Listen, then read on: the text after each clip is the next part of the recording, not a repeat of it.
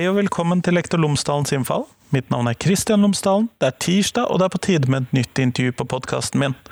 Denne uken snakker jeg med Synnøve Økland Jansen, som er postdoktor ved Uni Research på Rokkansenteret i Bergen. Eh, hun har tidligere jobbet veldig mye med prostitusjonsforskning. Hun er kjønnsforsker og sosiolog. Eh, og det jeg ønsker å få vite mer om i dag, er rett og slett hvordan ser prostitusjonslovverket ut i Europa? Hva vet vi om det? Fungerer den nordiske modellen såkalt? Sånn, dette blir en ganske samfunnsfaglig episode. og har en ganske dette er mye som vi kan bruke til å svare på spørsmål som eventuelt måtte komme fra elever, eller hvis temaet kommer opp i undervisningen. Så en god bakgrunnsinformasjonsepisode. Vær så god, her kommer intervjuet.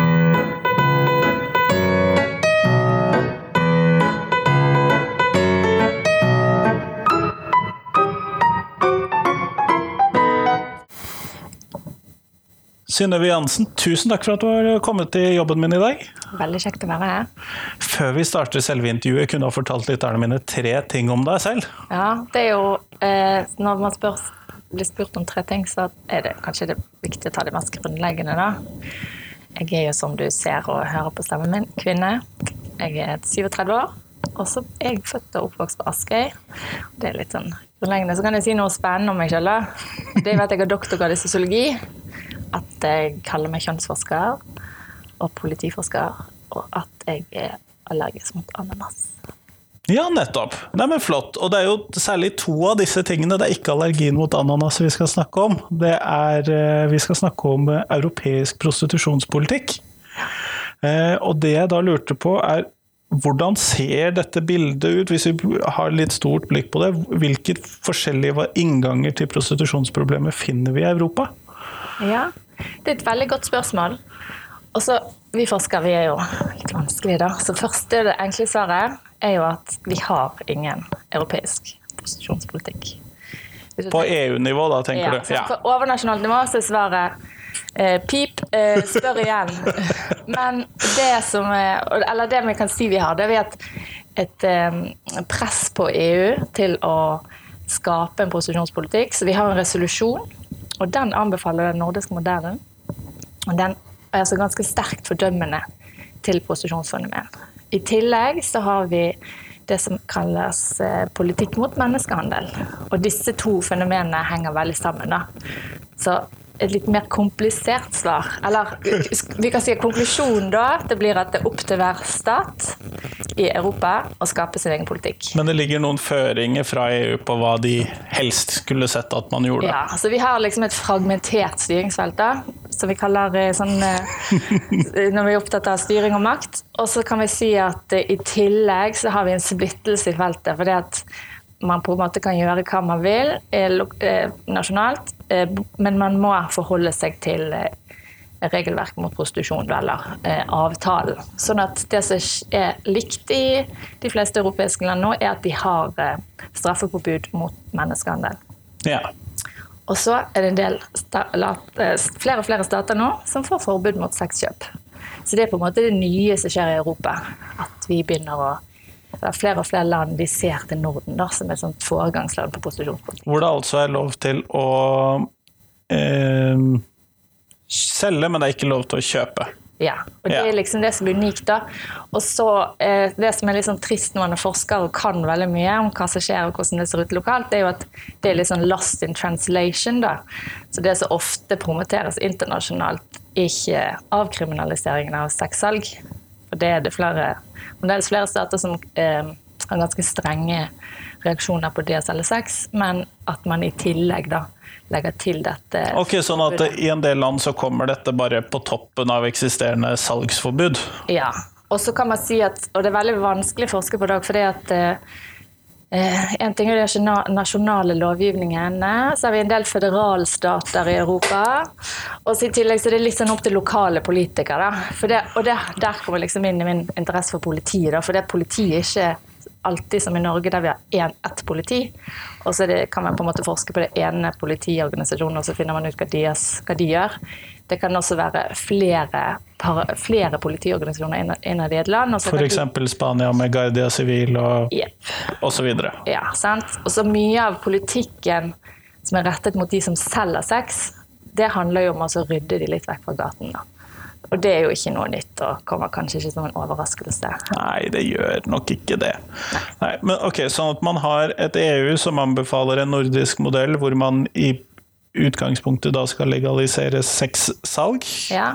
Og så har man da land som ikke helt får med seg den biten, men fortsetter å beholde forbud mot sexsalg i sine lovbøker eller i sin praksis. Ja, eller det kan også hende at de fjerner det fra den nasjonale lovgivningen, at lokale politikk, da, altså ut, det som de gjør, sånn implementeres, da fortsetter de med det. For da bruker de andre. Og det har vi også gjort i Norge. Vi har brukt løsgjengere i loven. Vi har brukt eh, altså Jeg har skrevet en artikkel om hvordan man bruker utlendingslovgivningen for å på en måte rydde gaten Karl Johan. Sånn at eh, politiet er ofte veldig oppfinnsomme hvis de vil løse et problem. så da så Det er jo på en måte ganske mye som skjer her da, mellom det formelle lovverket og det som faktisk eh, på en måte er politikken, sånn som den utføres det vanskeliggjør jo hva skal vi kalle intensjonene bak en sånn lov. Da. Ja, og jeg tror det er veldig viktig å, å huske på at det er jo gode intensjoner bak eh, den nordiske modellen. For det, det, er jo liksom det som er, eh, promoteres internasjonalt. Og det er jo at vi ikke skal straffe noen som allerede på en måte er, ses på som et offer. da. At og tanken om at man skal hjelpe noe eh, ut av prostitusjon. At man anerkjenner at det kanskje er et eh, livsvalg som tas i en allerede presset livssituasjon. Så skal ikke man liksom i tillegg legge på Ikke flere steiner til byrden? Ja, og, og liksom det som er hjerteskjærende, er jo at veldig mange av de som vi Eller en del av de som selger sex i Europa i dag, gjør det gjerne fordi de har gjeld i forbindelse med migrasjon. Så jo strengere migrasjonspolitikk vi har, jo mer omkostninger er det knyttet til å reise. Så noen livnærer seg jo igjen av altså posisjon for å betale ned den gjelden. Og hvis du da får bøter fra politiet i tillegg, så blir det ganske vanskelig å, å, gjøre noe annet. For da er du liksom litt låst i den situasjonen. da. Sånn at det ikke bare på en måte menneskehandlerne som det tvinger noen til å kjøpe sex, det kan også være omstendighetene og omliggende politiske felt. Ja, nei, det høres ikke spesielt uh, lett ut, det sånn, uh, sånn sett. Det, det, det, vil si, det høres ut som man da legger en Hvis du har 100 000 euro i gjeld, og så slenger du på 10 000 euro i bøter på toppen, så ja, Jeg vet ikke akkurat bøter. Nei, jeg vet ikke bøtene. La oss si det, da. Ja, helt riktig. Sant? Så det er jo litt Og det tror jeg eh, de fleste ikke tenker på. Men det er jo eh, kanskje der forskerne kommer inn og prøver å opplyse eh, allmuen om hvordan ting egentlig ser ut. Og at eh, når vi diskuterer prostitusjon, så er det mye mer komplisert enn å bare diskutere sexkjøpsloven. Ser den, ser den. Eh, men hvis vi da skal ta den nordiske modellen, da, for det er jo den man da ofte kommer borti i norsk sammenheng, og mhm. som lærer i samfunnsfag, ja. Eh, hva vet vi om hvordan fungerer den i praksis? Ja. Sånn ut, f.eks. i Norge? Ja, og Du som underviser, så er det jo kanskje litt viktig å gjøre det litt enkelt. Sant? Du trenger kanskje ikke ja, Jeg må ned litt grann i kompleksitet. Ta global urettferdighet eh, på første time. Men, men Jeg skal innom det òg, men ja, sant? Og, og, så kanskje brukes eh, ta, Gå inn i hva er det egentlig som er tanken bak eh, forbudet, og det er jo å endre holdningene til de som kjøper sex. Så få et eh, mer reflektert forhold til handlingen å kjøpe sex, og at eh, den man eh, kjøper sex av, kanskje ikke alltid gjør det frivillig. Ja, sånn at Det blir jo da intensjonen bak oss. sånn, Men hvis vi da ser på hvordan dette fungerer i praksis i Norge, kan vi si noe der? Eh, ja, skal vi se. Vi kan si noe.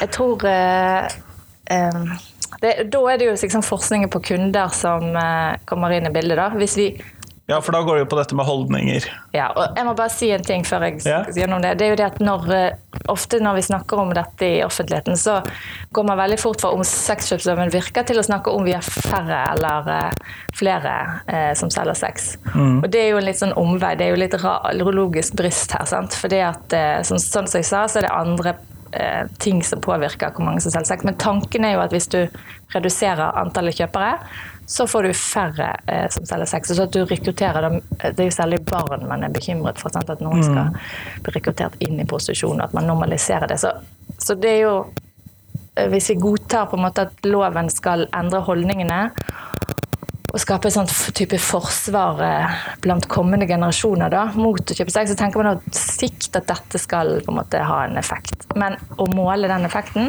og det er jo det vi forskere blir bedt om å Det tar kanskje mer enn ti år. ja, og det problemet er jo at vi har ikke spesielt gode data. Så da skulle vi helst hatt en sånn nullpunkts eh, spørreundersøkelse, og så skulle vi hatt en, eh, en sånn resultat. da. Og det er problemet er at folk liker jo ikke å snakke om sexkjøp. Sånn at når vi spør om det, så får vi veldig lav svarprosent. Ja, det kan jeg tenke meg. Ja, så, så det er veldig vanskelig å liksom finne ut av det svaret, da. Men det er jo noen undersøkelser som er gjort, og så diskuterer forskerne liksom om de er, kan vi bruke de eller ikke, er det gode nok kvalitet på dataene. Men vi regner på en måte med at eh, 11-13 eh, kjøper sex, og så er det én gang, og gjerne i utlandet. Og så er det en liten gruppe, og det er rundt 1,4 om jeg husker riktig, som dette, som har dette som en vane.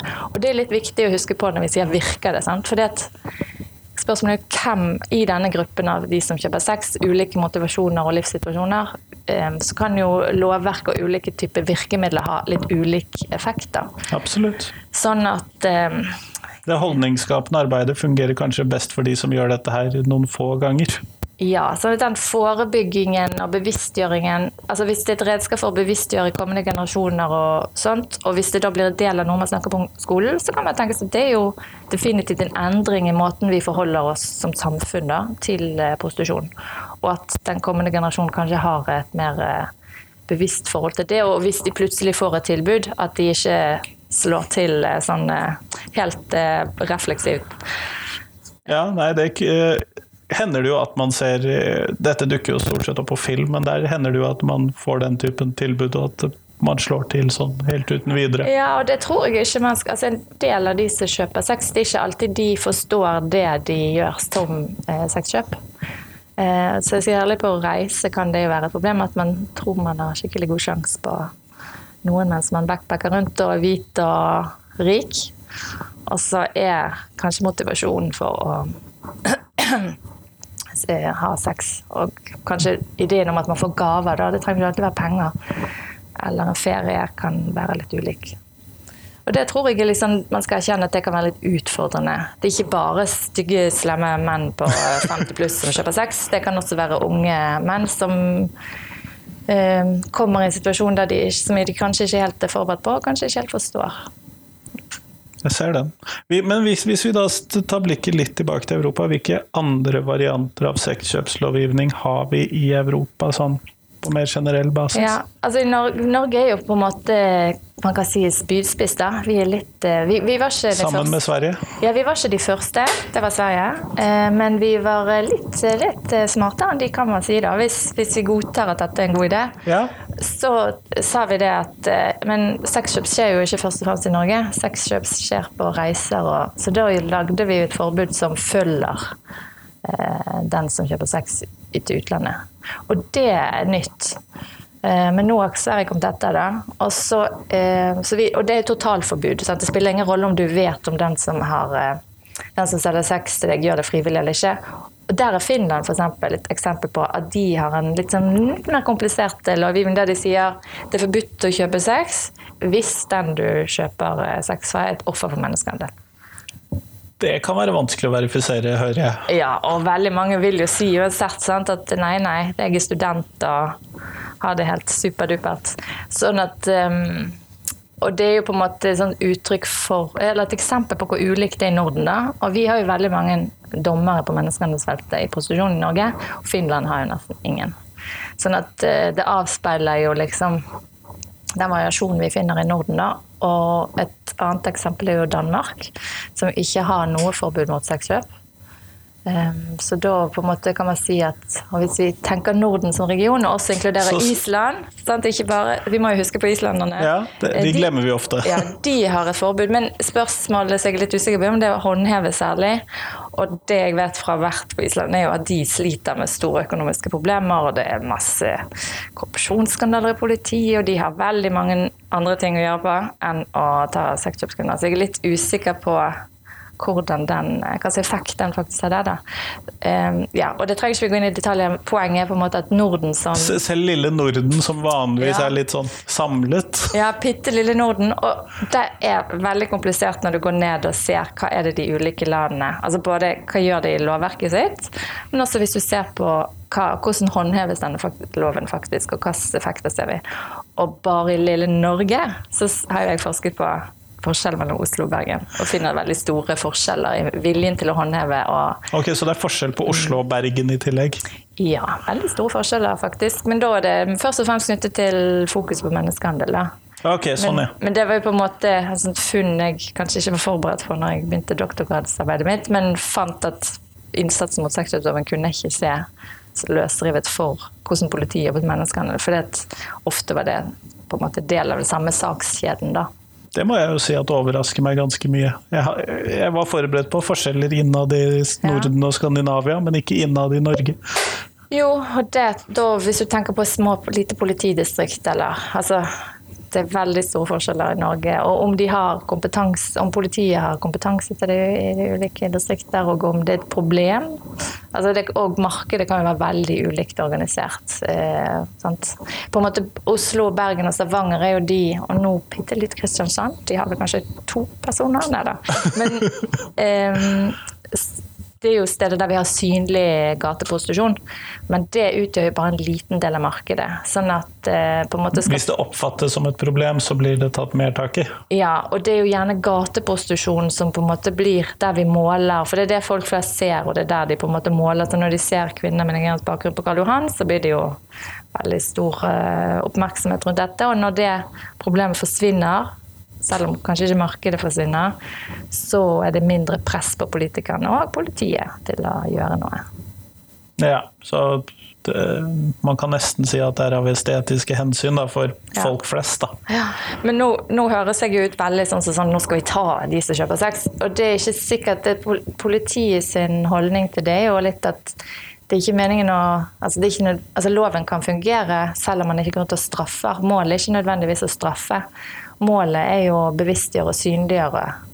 Og da er ikke det nødvendigvis straffen i seg sjøl som er det viktigste. Da kan det være at man, man har mm, At det er preventive hensyn i selve loven, og ikke nødvendigvis i praktisering. Sånn at den, det er jo òg en sånn diskusjon da, om på en måte man kan måle suksess på hvor mange kunder um, politiet har.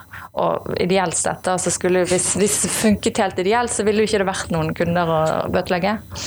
Um, ja, sånn at Og så er det avgreid Sånn politiet har ganske mange problemer, som vi vet, spesielt her i vest. Så da er det jo et spørsmål om prioritering, da, og hvor høyt opp et sånt uh, lovforbud kommer på, uh, på diskusjonen om ressursbruk. Jeg kan se den. Men sånn at innad i Norden så har vi da alt fra ingen lovgivning på området i Danmark. Vi har lov. Ja, ja. Men legaliseringen, da? Den er kanskje den er, den er jo det, det rettet med mot de som selger sex. Så der har de jo gått i en sånn det vi kaller sonepolitikk. Det er ikke så kjent i Norge, men vi har det faktisk. Men vi kaller det kanskje ikke det. Eh, det er jo mer det at man sier at i disse og disse gatene så får du bøter hvis du selger sex. Ja, sånn ja. Så da er det selgeren som er på en måte sett Ik som Ikke selv på hovedgaten, for det syns vi er pinlig. Ja, sant? så det er jo liksom det vi ser når du reiser rundt i store byer. altså det, hvor, hvor, synlig er gateprostitusjonen, og hvor er han? Han er gjerne rundt I Danmark er han rundt hovedbanegården og borte i Istegata. Og, og da det er jo gjerne der politiet er når de gjør eh, aksjoner. Sant? Og de gjør det gjerne når det har vært masse klager, eller eh, ja, hvis det oppleves som et problem for nabolaget. Og Ystegate er også et eksempel på et sånt område som man gentrifiserer, heter det. Det er jo et fremmedord, kanskje, men det handler om at man på en måte ruster opp bydeler. Og da er det jo veldig mange naboer som helst ikke vil ha synlig gateposisjon. Så det, det som før var arbeiderklassestrøk og litt shabby, ja. og så flytter de inn uh, ja. unge, hippe mennesker. Og det, det, er liksom enda et eksempel på hvor utrolig komplisert dette feltet er. Sant? For det er ikke det sexkjøpsloven som regulerer markedet, da er det næringslivsinteresser og eh, måte, naboer som ønsker å ha et barnevennlig eh, bomiljø. Ja, nettopp. Og det regner jeg jo med at det er den typen vurderinger man også finner i andre land som innfører nordisk modell. Bare en sånn antakelse. Ja, ja, ja, ja sant? og da leiter man etter eh, Det spørs jo hvor politikken lages på feltet. Sant? Er det lokalt og kommunalt, eh, eller er det nasjonalt? Og som regel er det jo begge deler. Eh, så da blir jo det på en måte politi i samarbeid med kommunen som på en måte kanskje tar tak i et bestemt problem, og da er det gjerne den synlige gateposisjonen som blir eh, ryddet vekk. Da.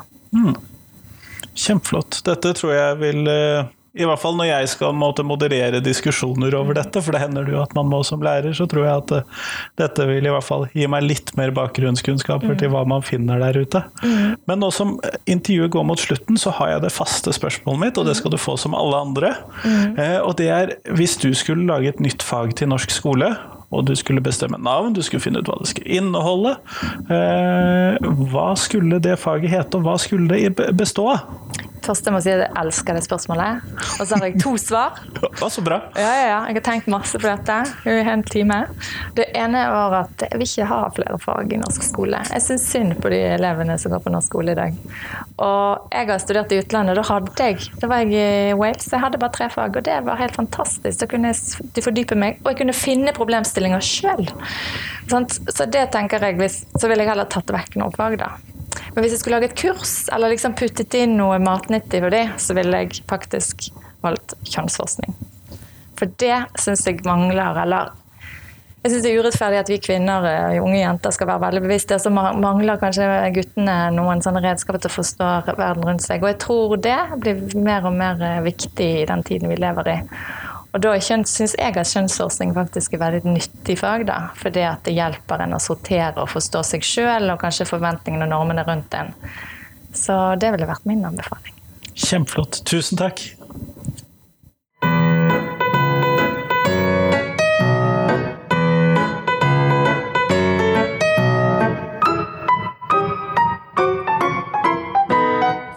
Tusen takk til Synnøve, og tusen takk til deg som har hørt på. Nå er det en uke til neste intervju på podkasten, men jeg håper at du kan eh, gå inn og så like podkasten, eller skrive en stjernemarkering, en anmeldelse, et eller annet der hvor du hører på podkast, fordi at det hjelper meg å spre podkasten videre til andre. Ellers er det jo som sagt en uke til neste episode. Det blir episode nummer 100 og tolv. Det ser jo jeg frem til. Det jo, dette blir stadig større nummer, eh, og det syns jeg er kjempegøy. Eh, ja, men i hvert fall, fram til neste gang, ha en fin uke. Hei, hei!